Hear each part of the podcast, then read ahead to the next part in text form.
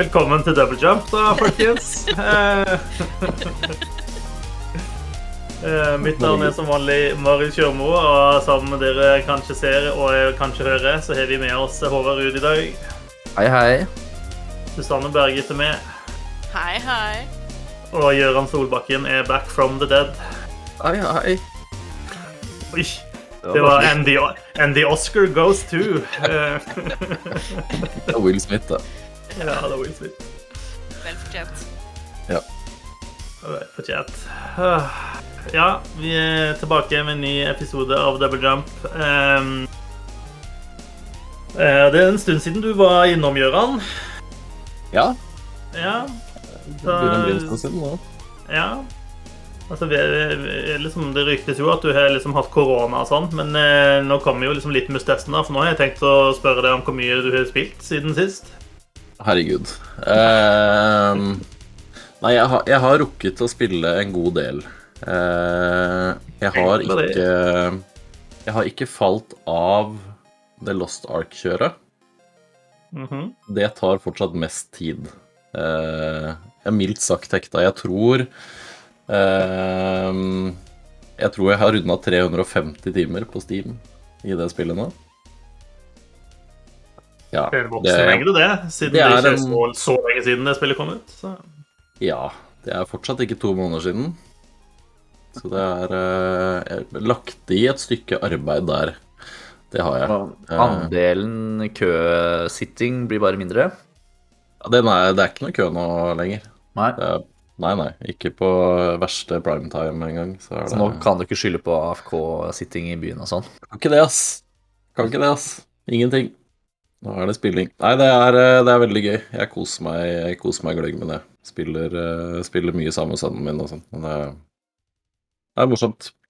Men jeg har rukket å, å være innom litt andre ting. Jeg har ikke eh, Når jeg var slått ut med korona, så prøvde jeg å spille Elden Ring. Eh, å spille Elden Ring når hodet ikke er med, det er ikke noe gøy. Ehm, det var ikke Det, det, det funka rett og slett ikke. Da var, jeg, da var jeg rett og slett for dårlig i det spillet til at Elden Ring blei noe gøy, faktisk. Uh, for jeg har kommet Jeg har jo spilt det av og på siden det kom nå. Har kommet ganske langt. Har fått lagd meg en ordentlig kul sånn eh, mage-bild med masse kule Masse kule angrep, masse kule spells. Uh, funnet noe morsom rustning og litt sånn. Uh, drept Drept en god del bosser. Jeg veit ikke. Hvis jeg, sånn ut ifra hva jeg har skjønt, da, så vil jeg tippe at jeg er sånn cirka halvveis. Uh, men det er litt sånn relativt til det spillet. Og det er Elden Ring blir bare bedre og bedre jo mer du spiller av det, egentlig. Fordi eh, det fortsetter liksom bare å vokse hele tiden. Du, for du kommer jo, ikke sant, du går gjennom den eh, kjappe lille introen, og så kommer du ut til en åpen verden, og så er det sånn å shit, her er det masse å gjøre. Eh, og så begynner du kanskje eh, å følge litt sånn Litt sånn main story, typ litt dit spillet vil ha deg, fordi du, da får du litt sånn progresjon. Tar du en storyboss der, og så tar du en storyboss der, og så eh, fortsetter liksom spillet bare å gi deg nye ting hele tiden. Og så fortsetter du å finne helt sånn sjuke steder på, på, på steder der du ikke vil tro at du finner noe. Altså du kan gå liksom igjennom en skog, og så er det sånn Oi, der er det et høl i bakken, og så går du ned i det hølet i bakken, og så finner du en heis, og så tar du den heisen i 30 sekunder, og så er det en sånn der giga underjordisk byområde med egne subbosser, og det er liksom Det er altså så stort og så mye å finne på, og så mye kult å utforske eh, i det spillet. Og så eh, har jeg kommet Jeg har kommet meg til det punktet hvor figuren min er såpass bra at det er ikke så vanskelig lenger. Eh, For det er en eller annen sånn power creep i Elden Ring som ikke Den er nok eh, Jeg tror du, du, kunne, du kunne på en måte få til det i de andre Souls-like-spillene også, der du kom til et punkt der du liksom du, Enten så gjør du så mye skade, eller så har du fått så mye rustning og hitpoints at det gjør egentlig ikke noe om du blir treffet så mye. Eh, men du det, det er så mye Det er så mange varianter og måter å bygge figuren din på i Elden Ring, og du får så mye verktøy som du liksom kan bygge figuren din ut ifra, som gjør at du blir liksom Du blir sterk på en helt annen måte, føler jeg, i Ellen Ring enn i de andre spillene. eh, med det kampsystemet, og det er veldig, veldig kult. Eh, og jeg Altså selv om jeg, jeg ja, si er ish halvveis, da, så gleder jeg meg allerede til å komme meg gjennom sånn at jeg bare kan begynne på nytt med en annen type bild. For jeg har liksom funnet noen våpen og sånn som jeg har lyst til å prøve, men som ikke passer til figuren min nå, da. Så det er eh, får du carry over noe til Er det en sånn New Game Plus-variant? Ja da, du, ja, det er det. Det er New Game Plus, og du får også Du får også muligheten til å liksom resette figuren din. Mm. Eh, ja, jeg veit ikke helt om det var noen spoilers igjen av Odd, men eh, jeg skal passe på. Eh, men det er i hvert fall ehm, Det blir liksom bare mer og større hele veien, og så er det uh, From har hele tiden vært gode på, på nivådesignet sitt, og spesielt i de spillene så har de I de andre spillene så har det liksom du går en lang vei, og så finner du noen fiender, og så kanskje du finner en dør som lokker opp, sånn at du finner en snarvei-type, og så skjønner du hvordan de forskjellige områdene sitter sammen. Eh, Det er ikke sånn i Elden Ring, men det er, bare, det- er så mye, og det er så variert, og det er så store, kule områder å utforske hele tiden, nesten uansett hvor du går, da. Eh, Så det er eh, Nei, det er et helt, helt vilt bra spill, faktisk. Eh, Men det er fortsatt et eh, spill fra From Software. Det er fortsatt et sånn type spill. Jeg tror Jeg tror sjansen er størst for at du liker Elden Ring. da, Hvis du ikke liker noen av de spillene, så tror jeg kanskje dette er spillet du vil like i så fall, men det er fortsatt et sånn type spill. 100% Så det er liksom verdt å få med seg. Men eh, nei, shit. Det er helt, eh, helt konge, altså. Ja, jeg har hørt, eh, hørt folk si at det, det er OK, ja. Det er helt greit. Nesten ikke hørt noe annet i tre uker eller fire uker eller hvor lenge det har vært ute nå. Jeg har ikke spilt i sånn fem timer i dag. Spilt eller sett på. Hei, jeg har spilt. Jeg spiller jo helt frem til det kommer en litt vanskelig fiende, og så er det Odd sin tur. Men jeg tok faktisk en hestemann i dag. Han uh, Tree Guardian-fyren. ja, fuck han, altså. Mm. I hvert fall i starten. Så er, det, så er det ikke noe gøy med han. Og så har vi jo kommet oss forbi Margit. Uh... Margit har jeg sett mye skriverier om i uh, sosiale medier. Om at ingen liker Margit. Nei, Ingen liker Margit. han er ikke en veldig trivelig fyr. Margit. Kan, eh, Odd kan ikke høre noen av oss. Nei, jeg skjønte det. Jeg Ja. tror han kanskje gjør det nå. Hører du oss nå, Odd? Ja eller nei? Ok, høre med meg? lyd i chatten. Nei, Ok. kanskje ikke. Hey. Det Eh, er gjennomproft, dette opplegget her, skjønner du. Ja, ja, ja. Alltid. Eh, Men ja, vi, vi kom oss forbi Margit, og det gikk mye enklere enn jeg hadde sett for meg. Jeg tok han nesten på første forsøk, og så, siden jeg og Odd spiller Pastor Controller, så ble det hans tur etter meg, og da greide han seg jo så klart å, å fullføre, da, etter å ha lært alle mine moves. Ja, ja. Eh, eh, og så har vi også kommet oss gjennom Godfrey Godric the Grafted. Eh, og en eller annen drage har vi slakta. Så, og nå er vi jo bare og utforsker, egentlig. Jeg er på utkikk etter en sånn glintstone key eller et eller annet sånn faenskap som vi må ha. For å komme inn i en eller annen by. Jeg vet da faen. Mm. Så har vi møtt de der uh, two fingers-tingen. Som eh, Ja. Jeg syns både valg av navn og designet generelt eh, er et eh, interessant valg, rett og slett.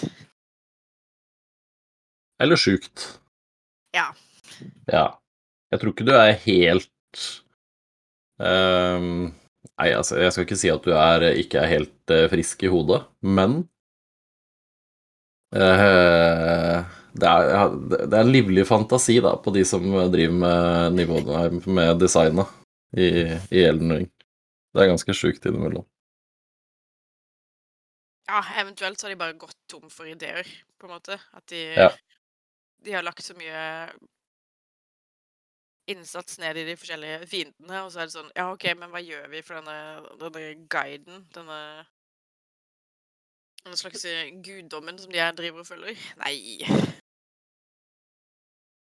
her, da? Hva med bare to fingre, så snakker du da?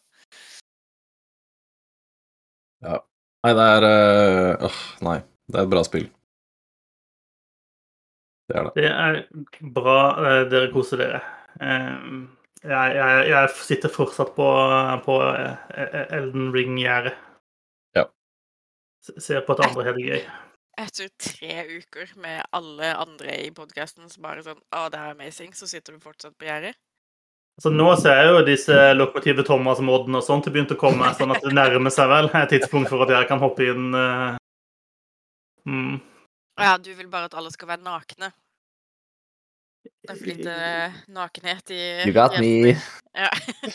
Altså, så jeg har jo hørt at det er mye lekre babes i det spillet, da, så jeg mener Yes. Jeg bare spiller Lost Ark. Der er det masse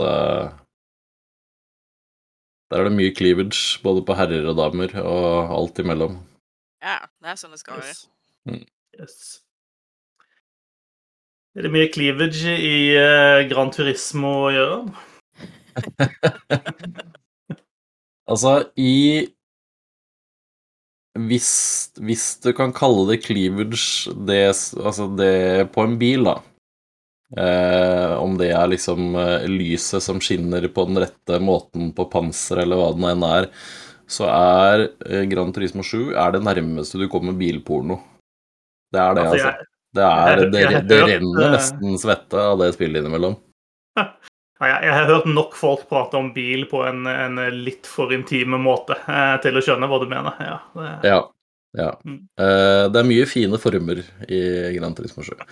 Nei, det er um, Jo, jeg har spilt Jeg har ikke spilt dritmye Gran Turismo 7, men jeg har spilt det en god del. Uh, dette etterlengtede bilspillet. Uh, jeg var litt sånn skeptisk, fordi både jeg og Håvard er veldig sånn Å, Forza er best. uh, og i hvert fall Horizon-serien, for der kjører du ikke på bane, og du er liksom ikke låst i alt det der. Gran Turismo 7 er jo en baneracer. Det er det det er. Du kjører kun på bana. Men holy shit, det er et bra bilspill, altså. Det er et fryktelig, fryktelig bra bilspill.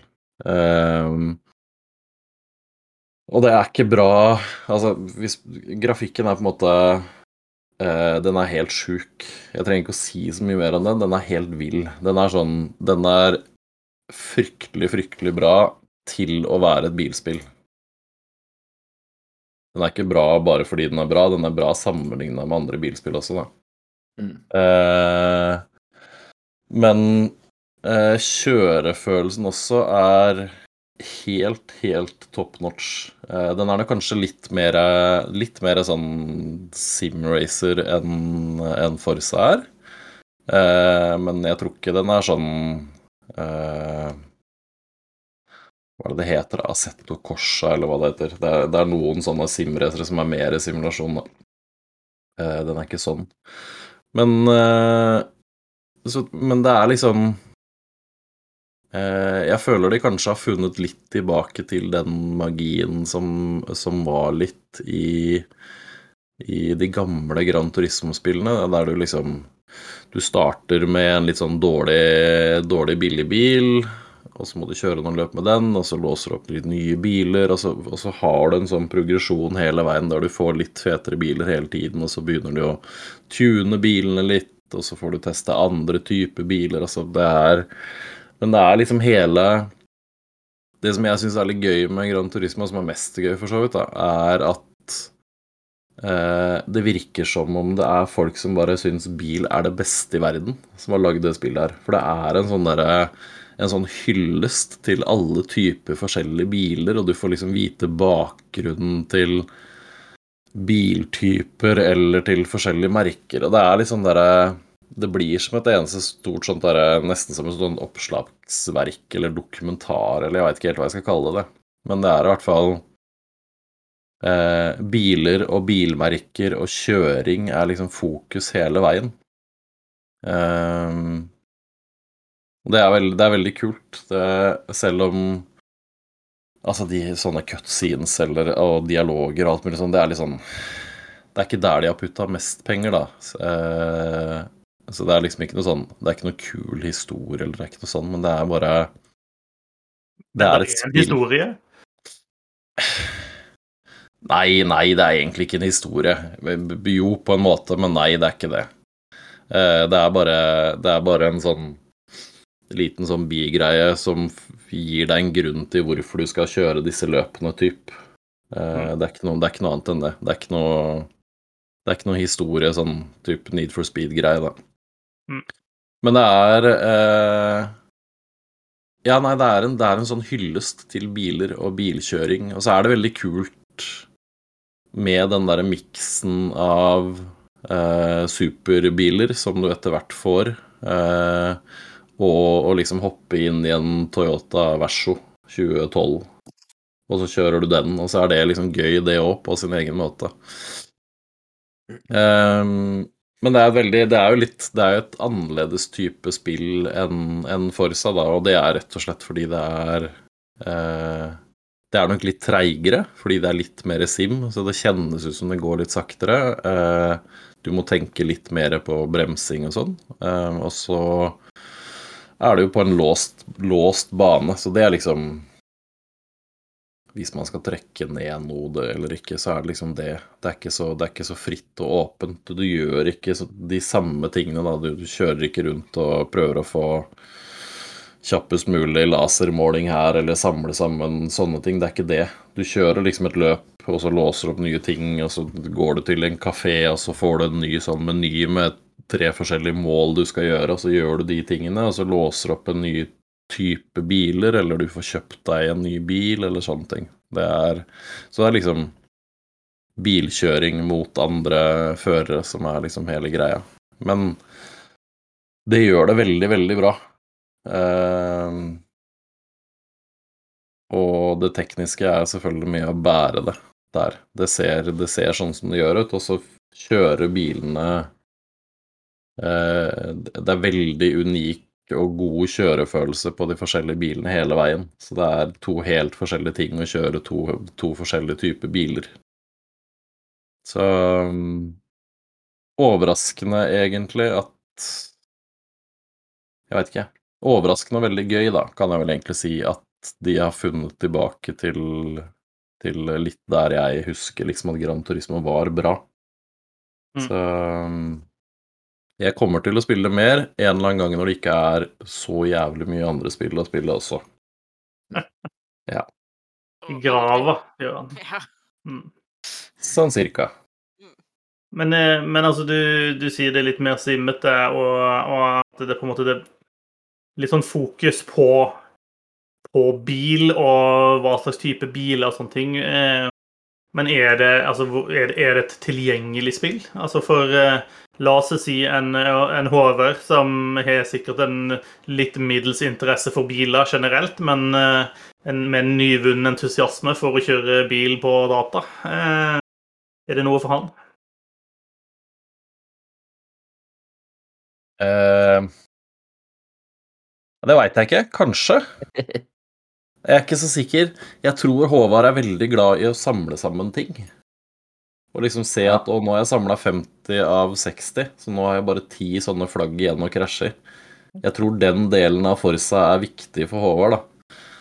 Eh, det å liksom få alle disse collectibles og, og gjøre sånne ting. Og det er det jo ikke Det er ikke samme greia i, i Gran Turismo. Her samler du på biler. Eh, og låser opp nye biler og sånn. Så det er liksom mer Jeg veit ikke. Men Fylle opp eh, sånn, eh, Finne alle collectibles er viktigere enn å sånn, forbedre rundetider med eh, halvannen hundredel, for eksempel. Eh, Ja, så jeg er ikke Sånn sett så tror jeg kanskje ikke det. da. Jeg tror Forza er et mye mer tilgjengelig bilspill fordi det gjør det Det gjør det gøy å kjøre bil hele tiden på veldig mange forskjellige måter. Mm. Fordi der får du Du får poeng hvis du kjører clean, du får poeng hvis du krasjer, du får Altså der får du hele tiden en eller annen belønning, da, og du får hele tiden et eller annet mål dinglende foran deg. Eh, I Gran Turismo kjører du bil, og så prøver du å komme først i mål. Det er det. Mm. Det er liksom det du gjør når du kjører.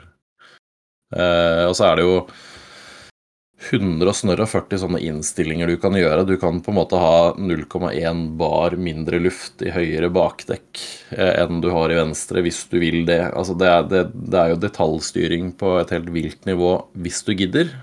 Eh, jeg har ikke giddet ennå, og det funker helt fint. Mm. Jeg på en måte kjører bil, og så har jeg ikke orka å begynne med alle de greiene der. Så det er et veldig, veldig bra bilspill hvis du liker å kjøre bil, men det er ikke tilgjengelig sånn som Forza er i det hele tatt. Det er det ikke, for det er, mye mer, det er et mye mer reindyrka racingspill, da. Så um, jeg vil nok, hvis, hvis jeg har eh, Hvis jeg hadde hatt venner da som var sånn Å, jeg har ikke kjørt så mye bilspill før, hva burde jeg liksom velge? Da hadde jeg sagt Forza ti av ti ganger, tror jeg. Mm. Rett og slett fordi det er mer tilgjengelig, men det betyr ikke at Grand Turisme er noe dårligere nødvendigvis. Det bare er et litt annet type spill, da. Det har jo også fått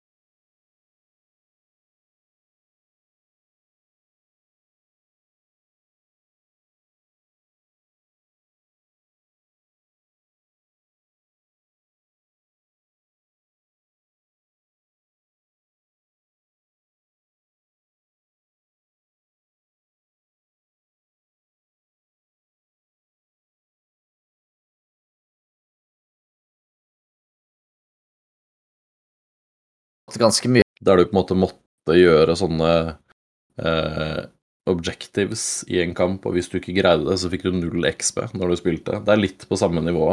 Eh, og det er veldig dumt, da, for du eh, Spillere trenger på en måte insentiver for å kjøre, ikke, av, ikke bare at du liksom greier den rundetiden eller du blir nummer én. Du må på en måte få noe også. Men eh, de har vel tatt til seg den kritikken. De har vel allerede patcha noe av det, tror jeg. Jeg har ikke spilt det etter den siste.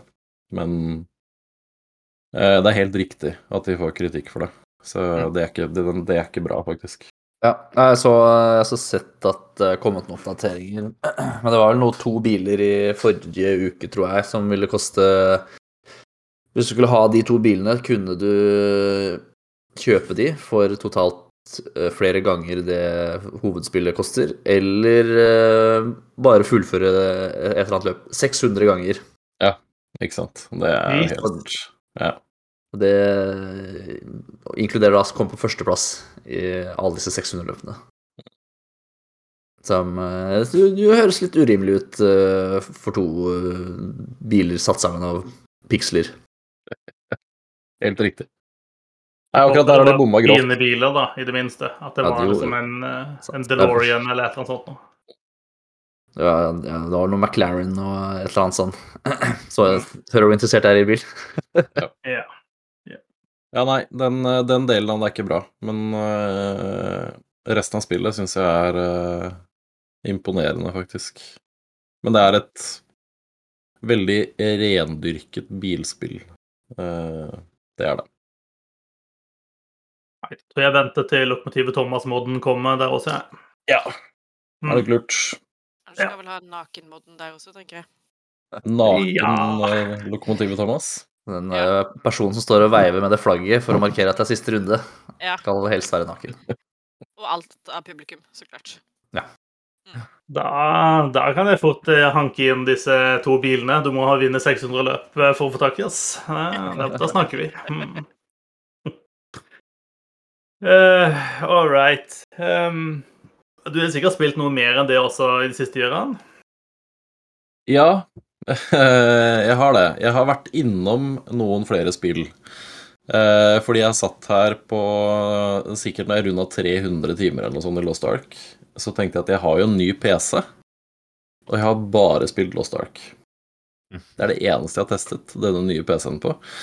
Eh, så da tenkte jeg at da får jeg, får jeg på en måte prøve å spille noe annet også, så da lasta jeg en eh, Norco og Tunic og Shredders fra Xbox. De var vel de nyeste spillene på, på GamePass nå Jeg vet ikke om det er en uke eller to siden de kom, ja. Sånn ish, i hvert fall. Mm. Eh, Norco har jeg eh, snakka litt om før. For det var en sånn Steam-demo-greie under noe sånn sommer... eh, Ja, sommerevent, eller hva det var. Jeg har ikke spilt det så veldig mye lenger enn der jeg kom i, i demon enn så lenge. Eh, det er et sånt eh, veldig sånn statisk pek og klikk-spill med mye tekst. Og bare tekst, det er ikke noe prating. Eh, du leser, og så trykker du på svar eller handlinger eller sånne ting, og så kommer det på en måte neste. Men det er veldig eh, jeg syns det er en kul sånn setting, for det er en eller annen sånn postapokalyptisk eh, greie et eller annet sted, og du har vært ute og brutt med familien mer eller mindre, virker det som, og festa og vært groupie og gjort mye greier. Eh, og så dør moren din, og så må du tilbake igjen, og så er det en greie med broren din, og så er det liksom Ja, spiller det, spiller det på det her, da. Eh, det kan på én måte så minner det litt om Disco Elysium. Uh, litt fordi det er litt sånn ikke, det, er, det er velskrevet, og det er en morsom historie. Jeg vet ikke om det kanskje er en del av Eller morsom, det er en bra historie. Uh, og så bruker de litt sånn uh, Du har ikke de Du har ikke de demonene, typ, da, som Eller hva den enn var. Den indre monologen i Disco Elysium. Det er ikke den, men du går på en måte litt sånn inn i sånn der Mind Palace-greier, og så utforsker du liksom eh, koblinger til, til historien eller til personer, eller hva det måtte være. Og så spinner du på en måte litt videre på det der, eh, i en eller annen sånn intern monolog. Um, men det er Jeg syns det virker interessant. Da. Det er veldig treigt, det går veldig sakte. Det er et veldig sånn sakte å lese-spill. Men jeg syns det er øh, Jeg syns det er veldig interessant enn så lenge å se hvor de liksom vil hen med historien. Og så vet jeg ikke helt om det er noe sånn Om det er mulig å få flere endings eller sånn enda. Det er jeg ikke helt sikker på, faktisk. Men eh, jeg liker liksom stilen på spillet, den pikselerte greia. Jeg liker hvordan det liksom er lagt opp, for du har bare eh, Du er i et rom, og så har du ett viewpoint i det rommet, og så kan du på en måte trykke på ting for at det kommer opp en eller annen type dialog, eller du får noen minner, eller hva det enn er. Eh, og når du er ferdig i det rommet, så går du videre til neste rom, og så er det litt sånn samme der. Det er veldig sånn statisk sånn, du går ikke rundt som en figur eller noe. Eh, veldig sånn annerledes, men eh, enn så lenge så kan jeg vel lande på at det er interessant og veldig unikt, syns jeg. Eh, så jeg, jeg, liker det godt. Eh, jeg gleder meg til å se utviklingen på det. Um, så har jeg da spilt Tunic i Jeg vet ikke. Jeg har vel ikke spilt mer enn et par timer der heller, kanskje? Det er jo en av de store talks on internett. Det har jo tatt, blitt veldig populært veldig raskt, det spillet. Ja, det har det. Det har ikke Det har ikke klikka for meg helt sånn som det har for mange andre, tror jeg. Ikke enda. men eh, altså, jeg, har ikke, jeg har ikke så mye å utsette på det. Det er ikke, det er ikke noe her som er dårlig, syns jeg. Sånn eh, Jeg syns verdenen og liksom stilen De har gått for den eh, den isometriske, den låste kameravinkelen, syns jeg funker bra til utforsking på en måte, men Samtidig syns jeg det er litt sånn kjipt, fordi du, du, blir på en måte lurt litt av view, altså hvordan synsvinkelen er innimellom i forhold til hvor du kunne ha gått og sånn. Det, det, blir litt sånn forvirrende, men det kan hende bare jeg ikke er vant til den da. Um, og så syns jeg uh, Og det kan hende bare for, fordi jeg er utålmodig eller et eller annet, men jeg syns kampsystemet er For det er, det er ganske vanskelig, egentlig du straffes ganske hardt da, hvis du blir truffet. Uh, men jeg syns ikke nødvendigvis kampsystemet er bra nok til at det skal være så vanskelig. Men det kan hende bare fordi jeg ikke er eh, liksom Kanskje jeg ikke er tålmodig nok, eller kanskje ikke funker helt for meg enda, men uh, Ja, du, du straffes kanskje Det er litt sånn Litt sånn Dark Souls i at du liksom Hvis du dør, så våkner du opp den siste stedet du på en måte var i nærheten av en sånn Det er nesten som en type bonfire. Mm. Uh, jeg syns ikke det, Ja. Men det, det, tunik er, altså, det er i bunn og grunn et spill hvor du spiller en rev i en tunik. Ja. Tunika, eller hva det heter på norsk. ja.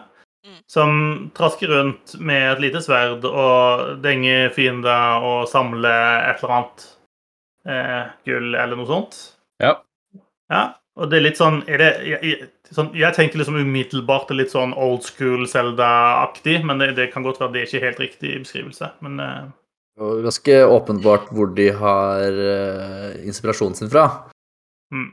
Uh, denne tunikaen til reven er jo sågar grønn, uh, slik Links er i, i Zelda. Um, Nei, så... nei, kommer Nintendo til å kreve at de fjerner spillet. ja, det, det, må de Copyright infringement. Det må de gjerne gjøre. Um,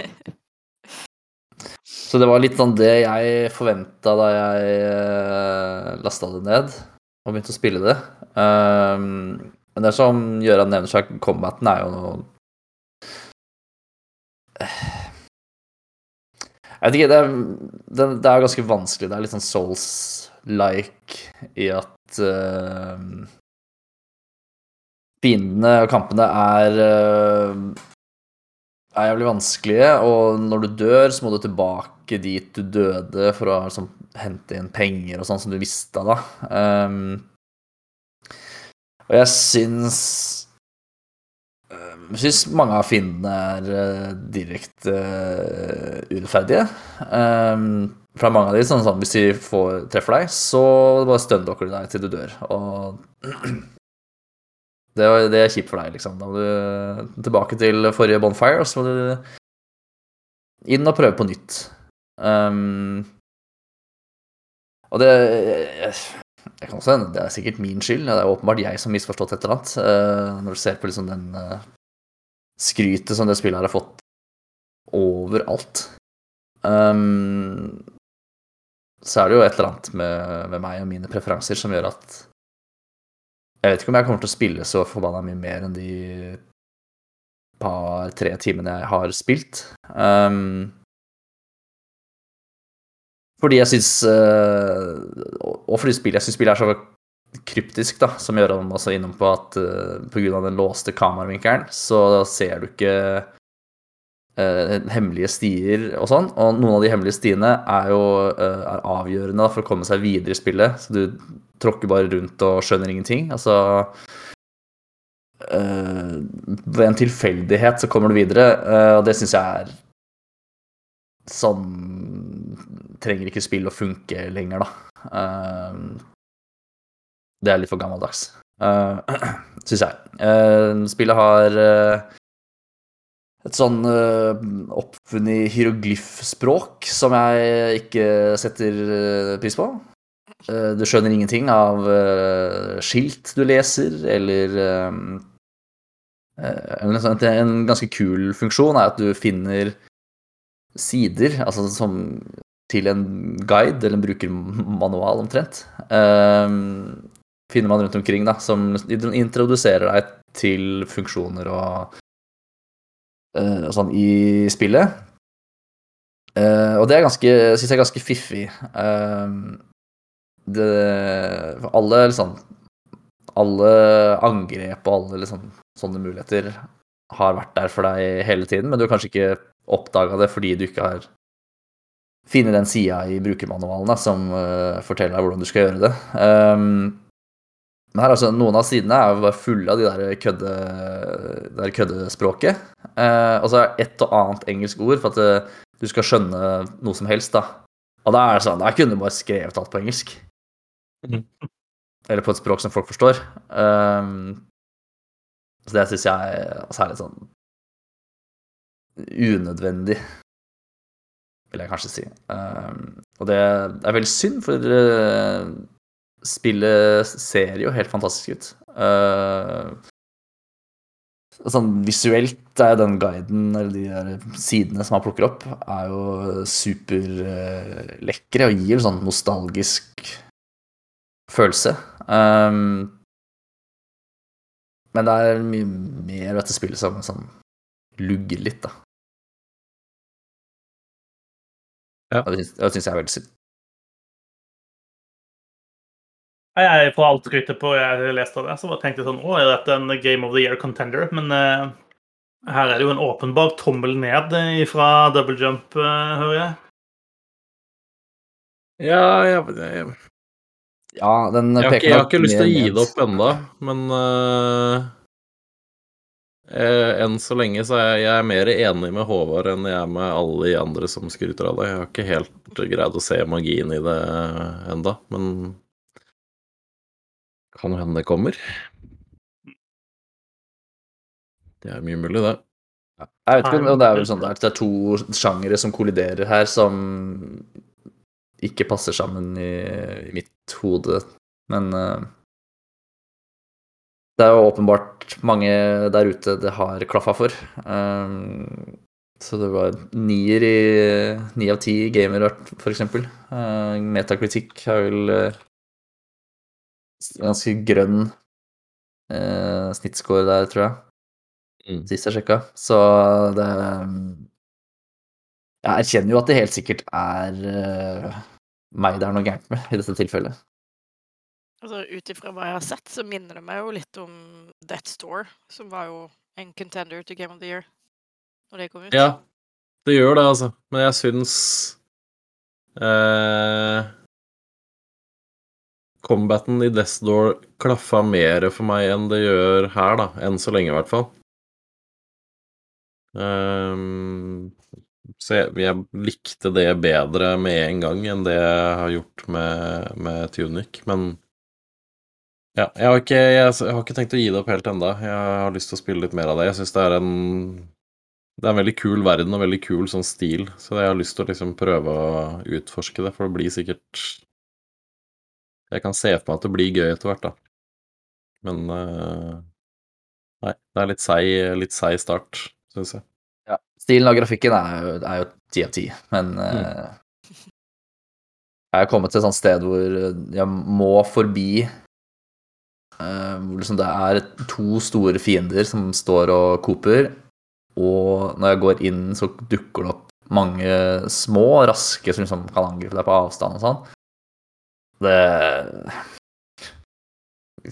Jeg prøvde opp flere ganger, men jeg kommer meg ikke forbi der. Så det er eh, Ja, det er frustrerende.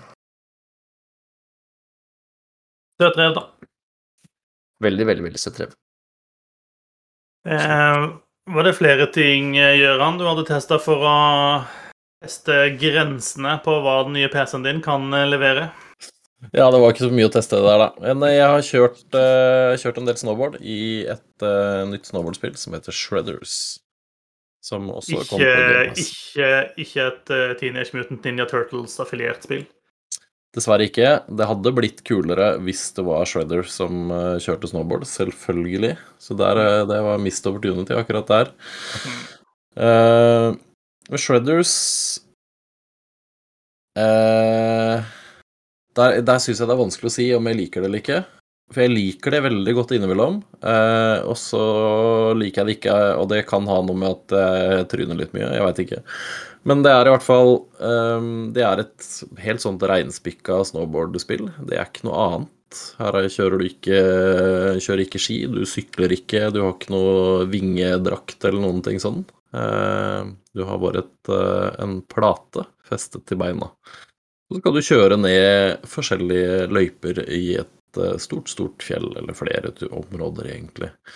Ehm, det morsomste og dårligste med Shredders er historien.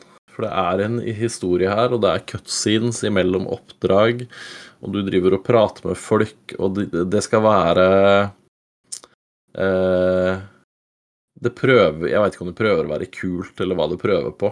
Eh, eller om det prøver å være morsomt. Eh, men det, det blir i hvert fall jævlig teit. Eh, så det er nesten, nesten verdt å laste ned og bare spille noen oppdrag kun for å se hvor dårlig teit det greiene der er. Eh, men det du liksom gjør da i starten, er at du, du begynner på toppen av en, eh, et fjell, og så får du på en måte et jeg vet oppdrag eller mål du skal gjøre underveis. da, og Det kan være sånn treffe noen checkpoints, eller du skal kjøre på noen flagg, Håvard. Det liker du veldig godt. Det er det beste gameplayet som fins, det. Ja. Eh, eller du skal lande så og så mange forskjellige triks og sånne ting. Um, og det, det Det der jeg på en måte er litt sånn todelt, er at jeg syns fysikken i spillet den er ganske bra. Den er litt sånn Den er ganske tung. Du, du har litt sånn eh, Bare feelingen av å kjøre snowboard da, er ganske god innimellom, men så er den litt sånn off innimellom også. Så de, de har på en måte ikke helt Jeg veit ikke om den mangler noe finjustering eller hva det er. Det er litt sånn rart, fordi det når du liksom kjører i løssnøen, og du svinger, og du hopper litt og sånn, så er det veldig sånn Litt sånn riktig feeling, da. Eh, den er litt sånn tung når du er i mer snø. Eh, du må på en måte lade opp eh, triksene dine litt. Det, det funker ganske bra sånn, og så er det andre ganger hvor det bare blir helt skeis. Eh, og da blir du på en måte dratt litt ut av den. Men Ja. Nei, jeg, jeg syns det, det er litt sånn rart, akkurat, akkurat den delen av det. Men når det først funker, da, når du liksom kjører ned og du finner noen kule hopp, du tar noen kule triks, eh, så er det Det er faktisk ganske kult. Jeg syns det er ganske gøy. Det ser veldig bra ut. Det er vel av alle de Det har jo kommet en del sånn snowboardforsøk de siste årene som ikke bare nødvendigvis er snowboard, her er det jo bare det. Men Eh, Så jeg syns det her kanskje er det peneste av de som har kommet på lenge. Eh, Både liksom animasjoner og sånn, men også liksom fjell og snø og sånn. Jeg syns det funker bra. Jeg syns det kjører ganske fint. Eh, Og når fysikken funker, så er det kult. Men det er en eller annen greie der som, som glitcher innimellom, eller sånn, som gjør at du blir på en måte dratt litt ut av det, og fysikken bare ja, den bugger ut litt for ofte, da. Men ja. En lang, lang historie, veldig kort. Det er ganske kult innimellom, og så er det litt sånn off. Eh, trenger kanskje noen patcher eller litt fiksing eller sånn, men sånn totalt sett så vil jeg si at det her er absolutt verdt å sjekke ut, i hvert fall, i hvert fall hvis du har GamePass, da, og syns det er kult med, kult med snowboard, eller syns det var gøy med SXX i gamle dager. Så, så vil jeg absolutt anbefale å teste Shredders, fordi det er det er gøy når det liksom flyter, og det kjennes riktig ut. Så er det Det er gøy å spille, og det ser pent ut, og det har et Syns det har et ganske kult sånn styresystem og triks, eh, trikssystem. Måten, liksom, måten du gjør det på med, med kontroller og sånn. Så Verdt å sjekke ut, vil jeg si. Mm. Jeg kommer til å spille det av og på sikkert eh, framover, fordi det er bare Det er litt gøy å bare loke ned fjellsidene og gjøre noen kule triks. Mm. Mm. Hvis det Ja. dukker opp en Thomas Toge-mod, så skal jeg skaffe meg det. Ja. Det er jo opp en- på en måte. Det er jo den første moden som blir lagd til alle spill. Det er nakenmod, og så er det Thomas-moden. Så vi sitter og ser litt gameplay av det på Twitch eh, nå. Um, og jeg, s- jeg har eh, hørt om det, men jeg må ærlig innrømme at uh, lanseringa gikk meg eh, hus forbi. Um, men jeg syns det ser gøy ut. Det ser litt sånn SSX ut i at um, du bare du starter på toppen av et fjell, kjører ned. Uh, foran deg har du et hopp. Men du kan like gjerne bare skjene rett ut til venstre, og så er det noe annet å oppleve der, da, som det ser ut på de uh, klippene vi sitter og ser på nå, i hvert fall. Ja. Det syns jeg var det morsomste med SSX3, eller hva det Hvilket SSX det var jeg hadde mest gøy med på GameCube. Og du kan liksom finne litt sånne linjer og kule hopp og litt sånn på egen hånd, da.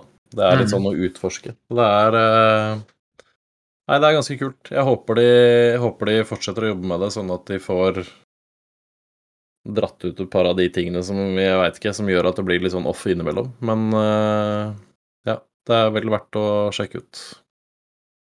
Kult. For øvrig, for øvrig 22 år siden nevnte SSX-eneren kom ut. Herregud. Yes. Begynner å bli gammel. Da vet du det. Mm. Det var fint at du sa. Ja.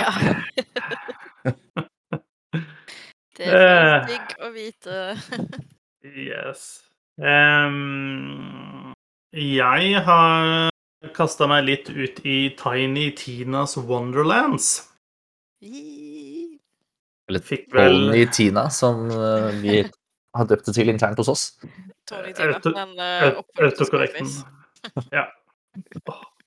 Det er for lite, for lite Scarface i, i Tiny Tina. Eh, ja, Tiny Tinas Wonderlands eh, Det er jo Borderlands eh, i ny innpakning. Ehm, og for de som ikke kjenner til det, Tiny, så er liksom settingen at eh, Tiny Tina, som er en karakter i Borderlands, sitter nede i en bunker et eller annet sted sammen med to andre karakterer fra Borderlands-universet og deg. Og sammen så spiller dere Dungeons and Dragons, eller Borderlands-versjonen av det som heter Bunkers and Badasses, eller noe sånt i den duren. Ja. Eh, og det settes opp en, eh, en eh, helt standard rudimentær historie om en slem dragon lord som blir resurrected og kommer tilbake for å haunte Saul. Og du er da helten som skal på en måte stoppe eh, denne slemme skurken fra å overta verden. Ehm, og den verden du da befinner deg i, er på en måte en litt sånn eh, Borderlands sin take på en eh, litt sånn klassisk fantasy-univers. Eh, med klassisk Borderlands-humor eh, dryssa eh, liberalt eh, utover denne verden. Eh, og jeg syns Det skal sies, nå har spilt ja, jeg er noen timer inni. Jeg har ikke spilt fryktelig langt. Eh, men så langt så syns jeg at humoren funker veldig bra. da. Det det er morsomt. Eh, det er lagd av folk som synes at rollespill er gøy. Og så, jo da, tidvis så harselerer det jo åpenbart med stereotypiske Dungeons and Dragons-ting, liksom. Men det er ikke sånn ha-ha, så teit dette er, på en måte. Det er liksom det er en, det er en kjærlighet for eh, håper å si eh, rollespill og det grunnmaterialet, fantasy-biten av det, da. Eh, og det, det du, du, det er en character creator i starten, så du lager din egen karakter. Eh, de har noen sånne gøyale sånn eh, eh, Mange character creatorer har jo kommet borti litt sånn kontrovers når det gjelder å velge kjønn og seksualitet og sånne ting. Eh, det sidestepper de veldig enkelt med å gi deg valget mellom to forskjellige kroppstyper. Eh, som heter 'this one' og 'that one'. Eh, så, så du kan velge de. Eh, den ene er åpenbart mer mannlig, og den andre åpenbart mer, mer feminin, men eh, ja. Eh, og det er ulike klasser du kan spille, eh, som ikke er helt Altså, de, er ikke de, du, du spiller ikke liksom fighter, mage eller rogue, liksom. De har vel lagd sine egne klasser.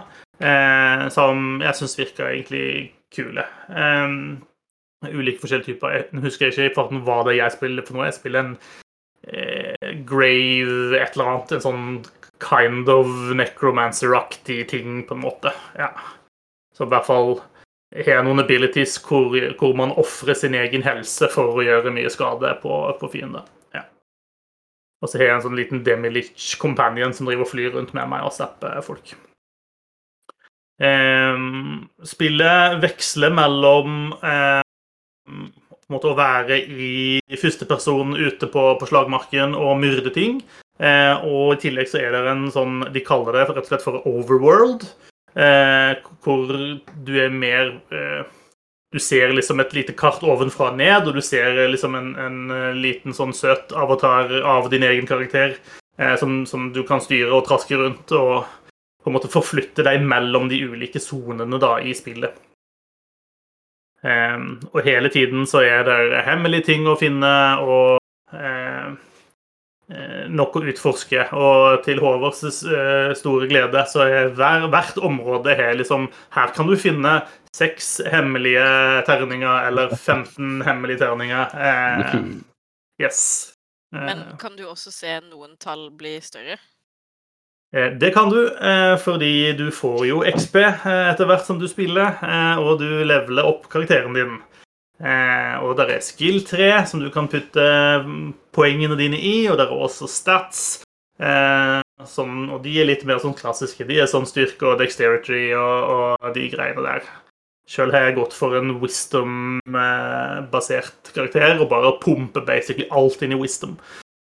Jeg har ingen anelse om det er noe smart, men Wisdom det det gjør, i hvert fall er å booste opp eh, altså sånn status damage som du gjør. da. Eh, så jeg prøver å bygge en karakter som gjør mye dark, dark magic-skade. Eh, så langt så funker det greit.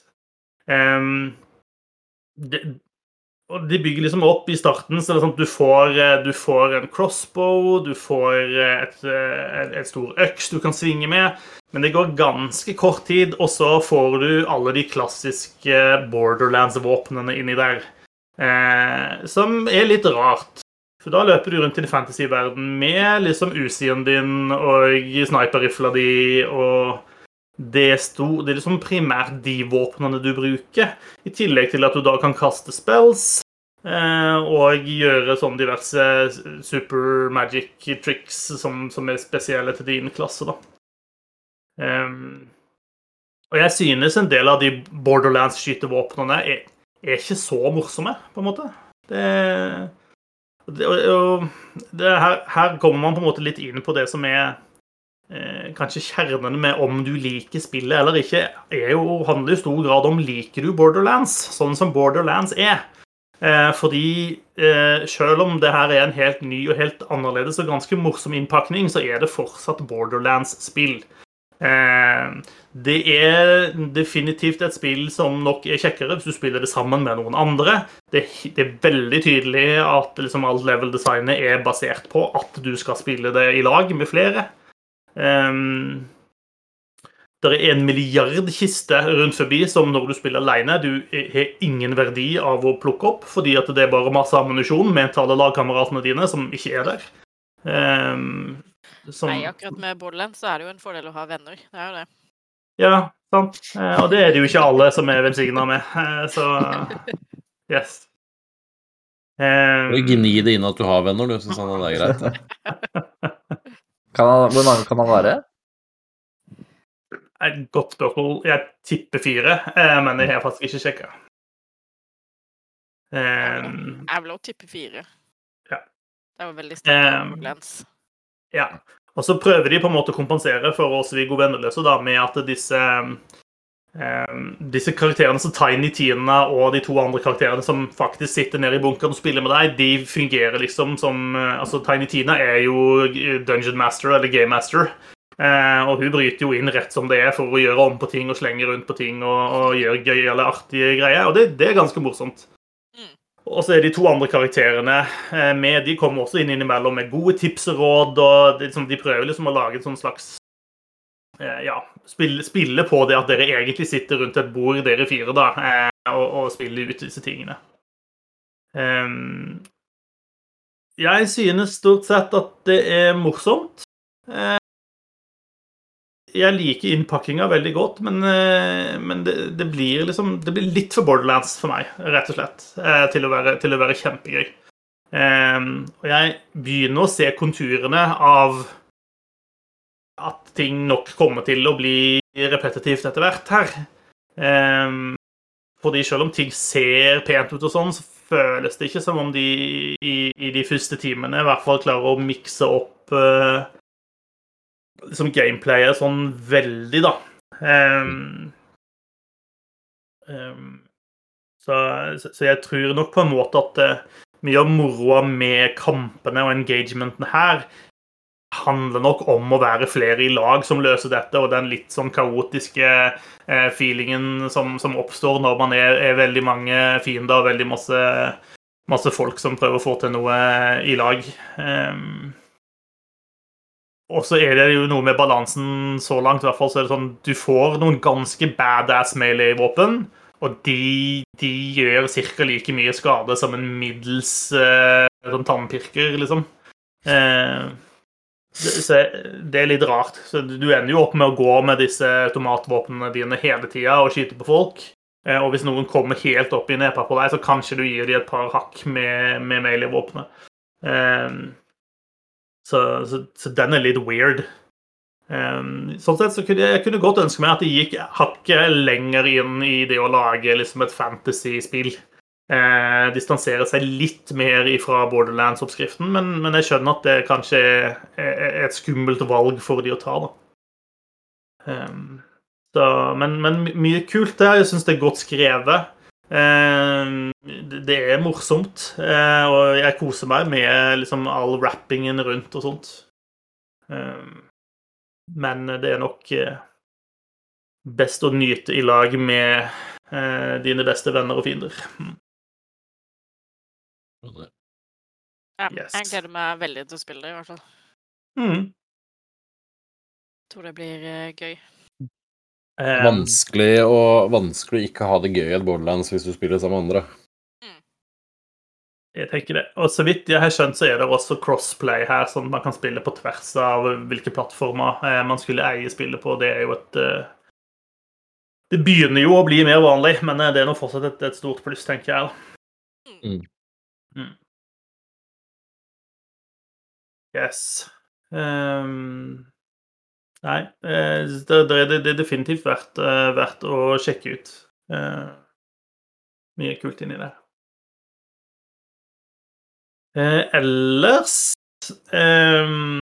i min sånn småbarnspappa-hverdag så har jeg jo funnet ut at det er mange ganger i løpet av dagen hvor jeg har en sånn 20 minutter med liksom fri fra alle mine plikter.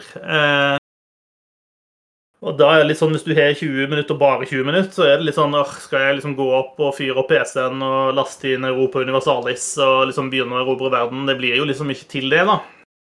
Eh, så da har jeg rett og slett børsta støvet av Nintendo Switchen min igjen.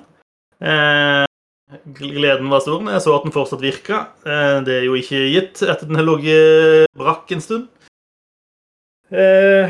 Så tenkte jeg jeg får svinge innom nettbutikken til Nintendo, da, se om det er noen gode deals der. Eh, der er det jo ting svindyrt, eh, som vanlig. Eh, de selger jo spill som er åtte år gamle og skal ha 600 spenn for de, liksom. Ehm, men eh, etter å ha bladd igjennom eh, mye på butikken, så fant jeg jo da at de solgte den sånn XCOM 2-collectionen. Den var på salg til 49 spenn tenkte det er jo kanskje ikke så dumt spill å ha sånn til å hoppe inn og ut av eh, og sånt eh, når du, når du har noen minutter her og der i stua. Så det slo jeg på, slo jeg til på og hoppet inn i, og eh, egentlig syns spillet kjører ganske bra. Eller det kjører, det kjører, like dårlig som det gjør på PC, for å si det sånn, da. Eh, i, i, når du er inne i oppdrag og sånne ting, så så er det ganske smooth, og så er det like sånn hakkete og ræva i de liksom sånne der cutscenesene sånn, som liksom skal være litt kule. De, de, er litt sånn opp og ned. Litt lengre lastetider på Switchen enn, enn det burde vært, men, men sånn, sånn, er det nå. Eh, Så jeg svingte i gang med liksom satt opp vanskelighetsgraden og på med Ironman-mode og kjørte på. Hadde, jeg hadde glemt smerten det spillet der kan liksom gi deg, da. Um, Ai, ai, ai.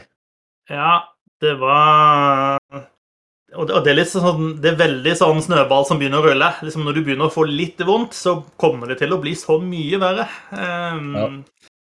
Og det, det å liksom komme seg ut av den, det er ikke bare bare.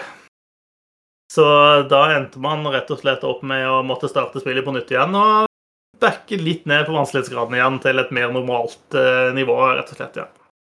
Fortsatt Ironman, men, eh, men vi tar det litt mer eh, piano. Så så det spillet holder seg bra. Det er fortsatt gøy. Det er fortsatt det beste av de spillene. Det er punktum.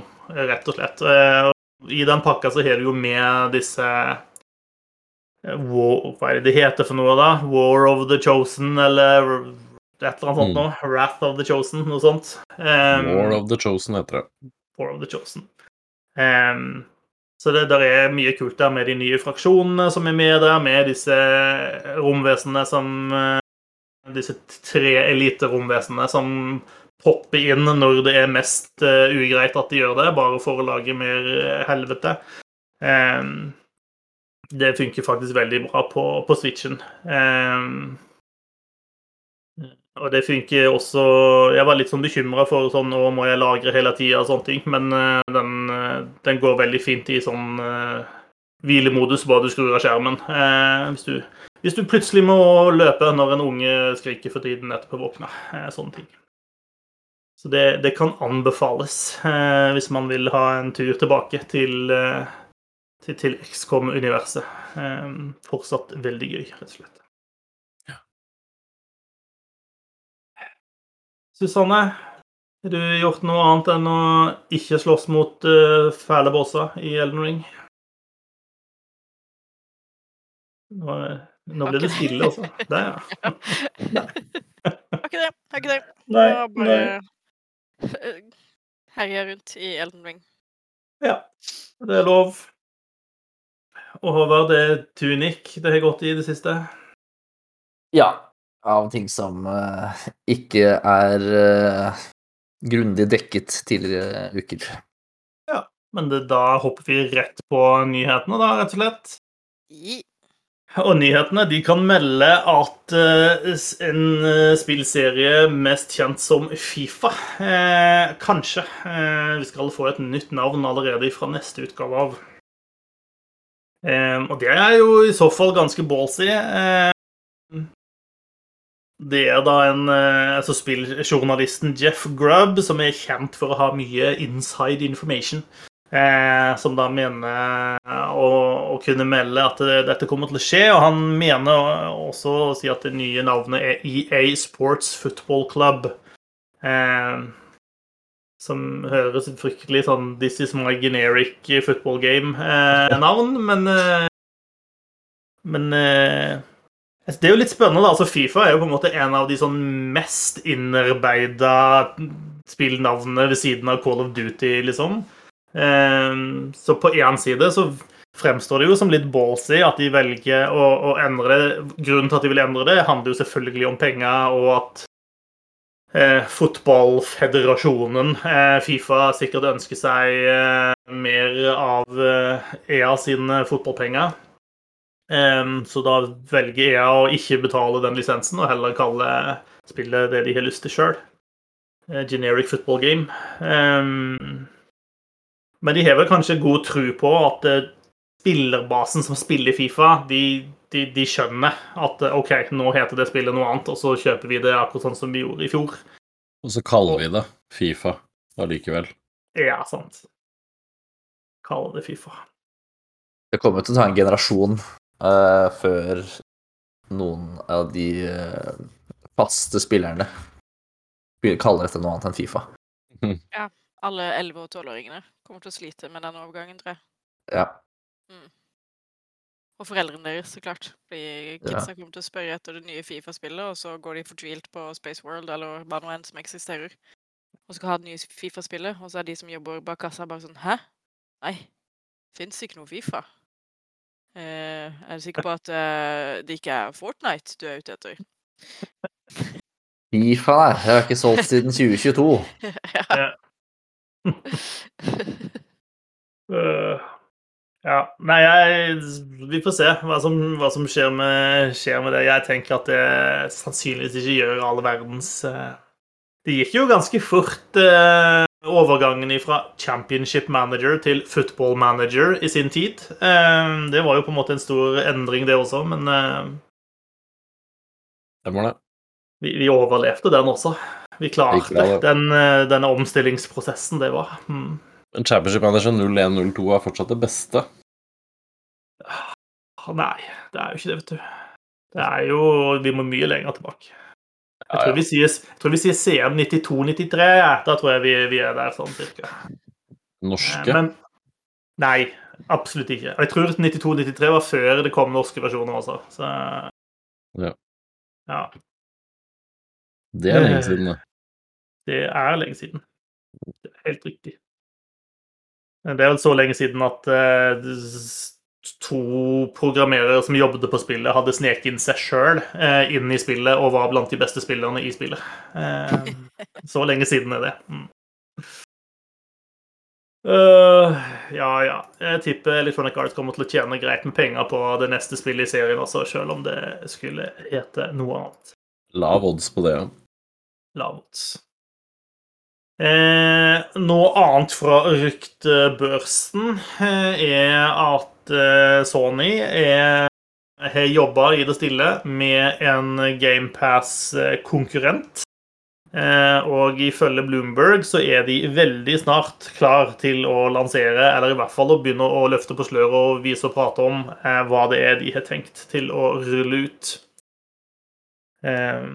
Men det er ingen som på en måte vet helt hva dette her egentlig er for noe ennå. Om det, om det er reelt en GamePass-konkurrent, eller om det på en måte er en, et GamePass-alternativ for PlayStation-eiere, på et vis. Eller akkurat hva det skal være for noe.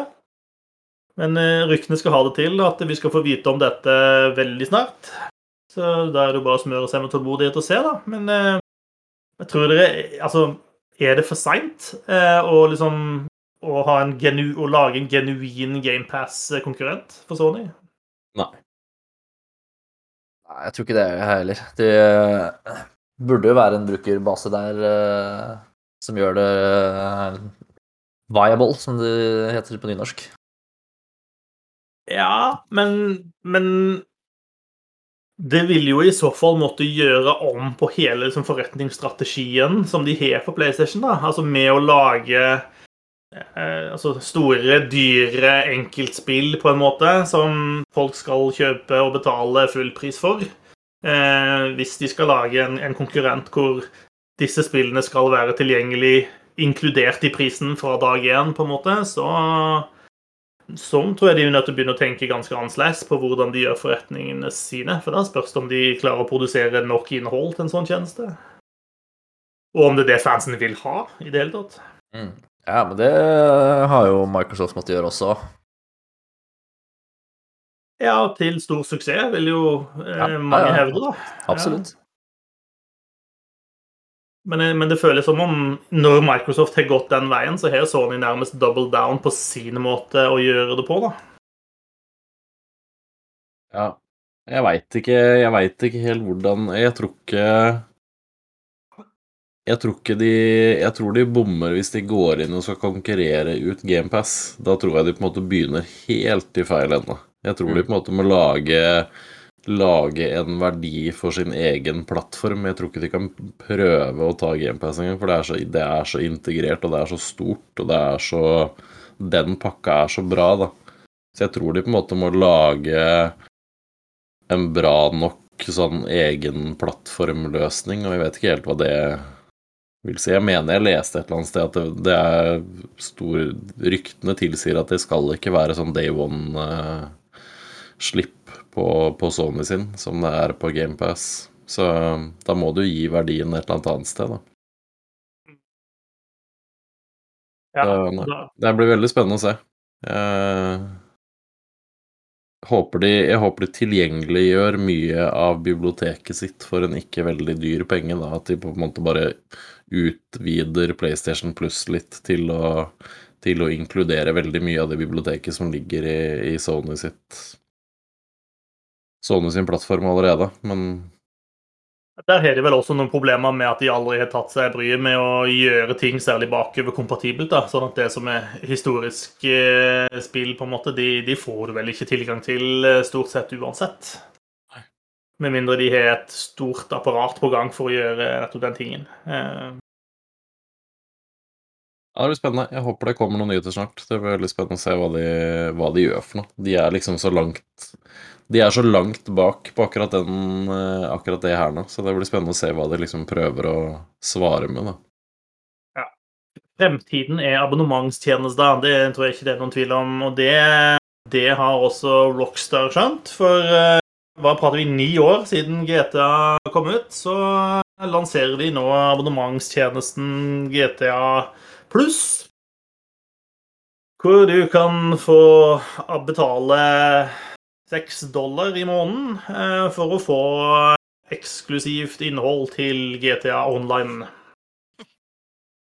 Så det var jo på tide, da.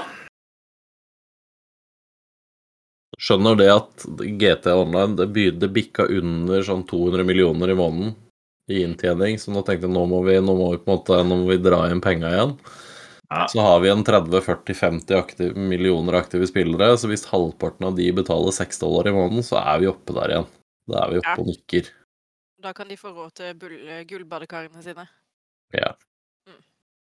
Jeg, jeg må jo om at jeg, er- jeg, jeg spilte jo GTA 5 når det kom, og spilte gjennom det og syntes det var gøy, og hadde et par timer i GTA Online og syntes ikke det var noe for meg.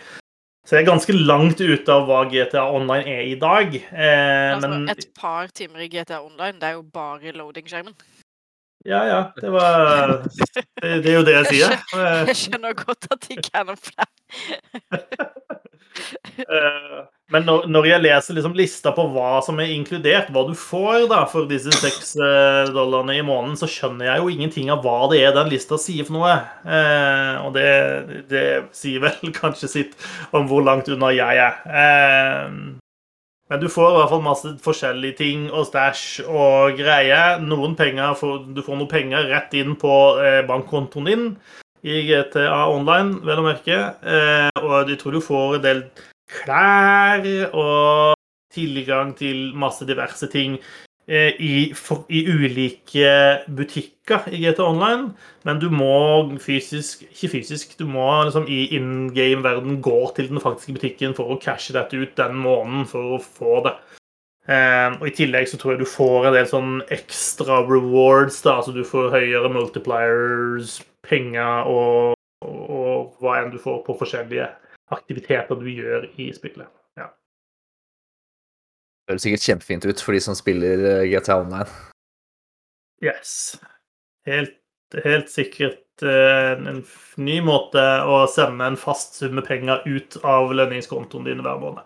Ja. Yes. Eh, Activision Blizzard, de har vi vært innom før.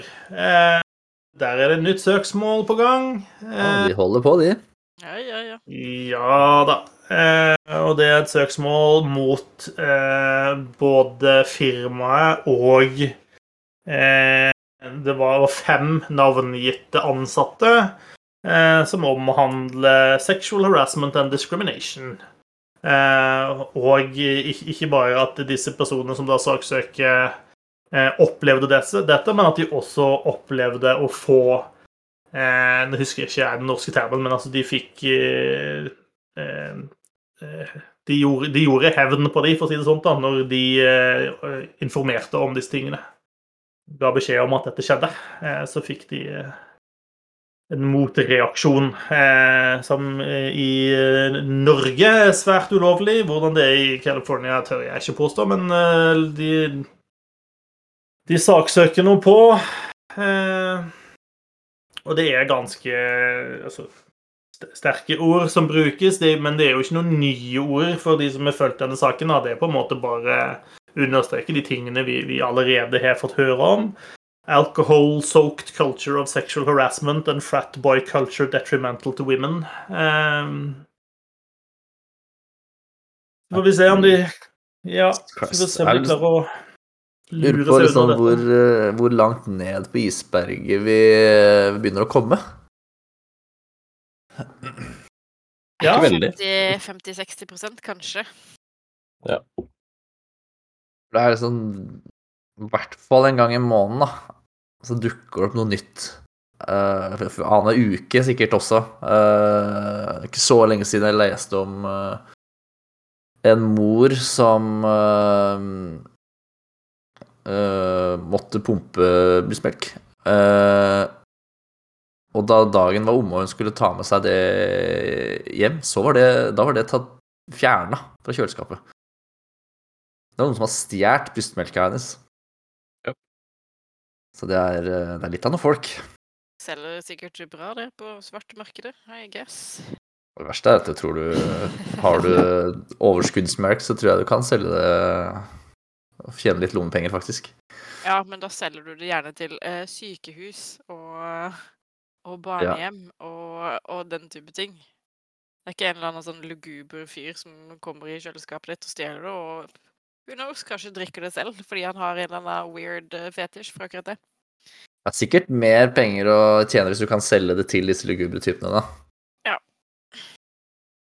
Sier du lugubre typer betaler bedre enn eh, sykehus og barnehjem eh, gjør for Mosby? Det er jeg nesten, nesten helt sikker på. Det private markedet, vet du. ja.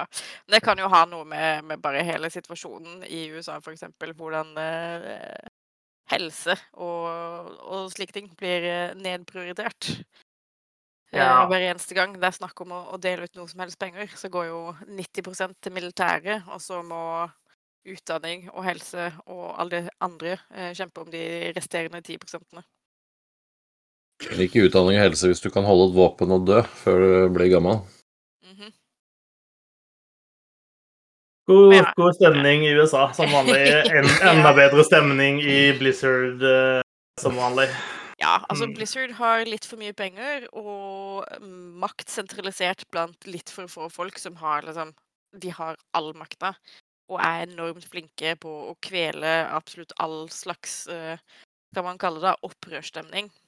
Eh, de har jo jobba drithardt for å forhindre at folk eh, danner fagforeninger, blant annet, som hadde vært en som hadde vært gull i denne situasjonen for de som er ramma, på en måte.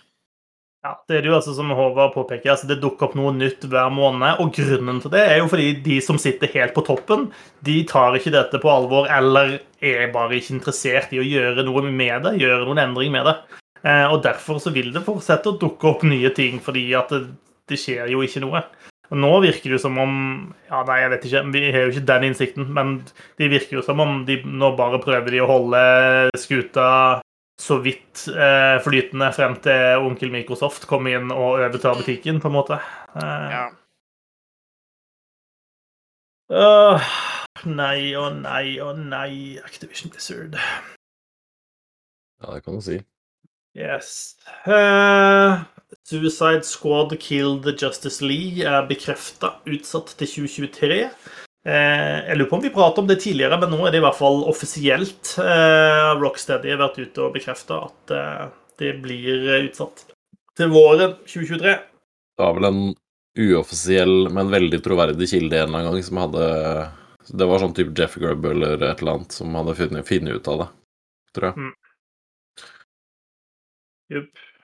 Så det, da får vi vente litt lenger, da, for å få muligheten til å drepe The Justice League. Eh, håper det blir bra. Det hadde ikke blitt Game of the Year 2022 med alle de spillene som har kommet i år. Nei, det, det vil overraske, da. Det er lov til å si. Ja. Eh, Siste saken jeg har på lista, er at Humanoid Studios har så vidt begynt å lette på sløret over hva det er de jobber med. Sitt første spill. Eh, For de som ikke vet, så Humanoid Studios er da det nye eh, utviklerselskapet til bl.a. tidligere Mass Effect-bossman Casey Hudson. Så derfor er det litt interessant liksom, å følge med på hva de holder på med. Og de har sagt at de holder på med å lage en, et all new science fiction universe. Eh, og at det skal være et multiplattform trippel A-spill. Eh, focusing on character-driven narrative in all new science fiction universe. Ja. Så det går an å eh, gå inn på nettsidene deres eh, for å se det, det lille de har dingla foran oss der. Der er noe concept art og sånne ting som sikkert ikke er direkte relevant, men jeg tenker det, det er liksom sånn det, Vi kan sette den på liksom, watch-lista vår, på ting å følge litt med på fremover. Eh, jeg tror de har samla sammen en gjeng som har jobbet på en del kule spill tidligere. Eh, så hvis de klarer å leve opp til sine egne ambisjoner, så kan det godt være at det blir eh, bra saker om noen år, når det sikkert er klart til å komme ut. Okay. Yes. Det var det jeg hadde på lista mi. Eh, det ble jo jaggu meg sending i dag også. Jau. Ja. Det gjorde det. Eh, så da får vi Verdt å nevne også kanskje at eh, på lørdag så går jo spillprisen av eh, stabelen. Yes. Ja, steiket, steike ta. Kan, ja, det kan være verdt å sjekke ut eh, hvem som er nominert, fordi da får man en slags eh, pekepinn på hva som har blitt utgitt i Norge i løpet av fjoråret. Og det er, det er mye eh, spennende på de listene. Eh, jeg tror jeg har spilt sånn to av alt som er nominert. Ja. Og det er da eh, det jeg tror kommer til å, å stikke av med en del priser, som er Sunshine til Krillbite. Eh, og Bankies. Som har jeg spilt. Det, det tror jeg kommer til å vinne sånn type moro for hele familien, eller et eller annet sånt. Mm. Det eller Flåklypa. Ja, Flåklypa. Er du, er du involvert på noen måte der i år, eh, Susanne? Ikke i år, nei. Eh, Så jeg velger å tolke det som at vi gjorde en skikkelig ræva jobb i fjor. eh, og kommer aldri til å bli invitert tilbake. Det er eneste måten å tolke det på, tenker jeg. Ja, ja, men det er, det er sånn spillbart opererer. Eh, vi gjør jobben, men vi gjør den dårlig.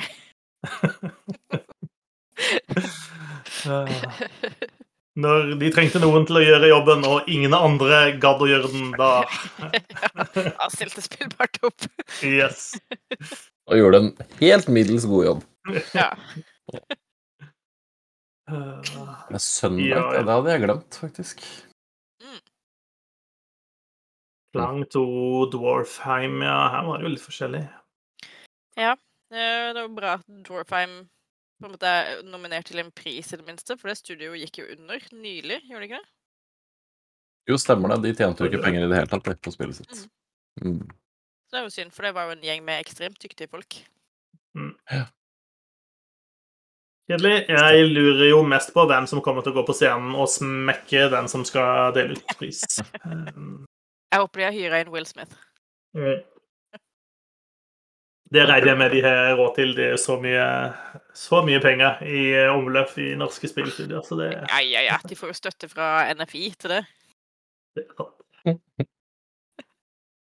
Må ha noen oljemillioner til å invitere Will Smith til Norge, vel. Ja, ja, ja.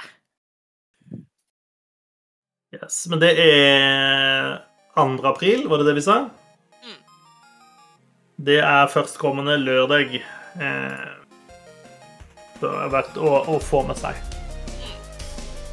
Yes. Da tror jeg vi sier at vi kommet til veis ende denne gang. Det var som alltid hyggelig å sitte her og preike med dere. Eh, fra meg sjøl, Gøran, Håvard og Susanne, så ønsker vi deg en god uke. Eh, prøv å ikke seksuelt harass harasse noen, eh, om du klarer det. Eh, for da kommer kanskje Will Smith og smekker deg. På gjenhør, syn, uh, føle uh, om en ukes tid. Uh, hei så lenge. Ha det bra. Ha det!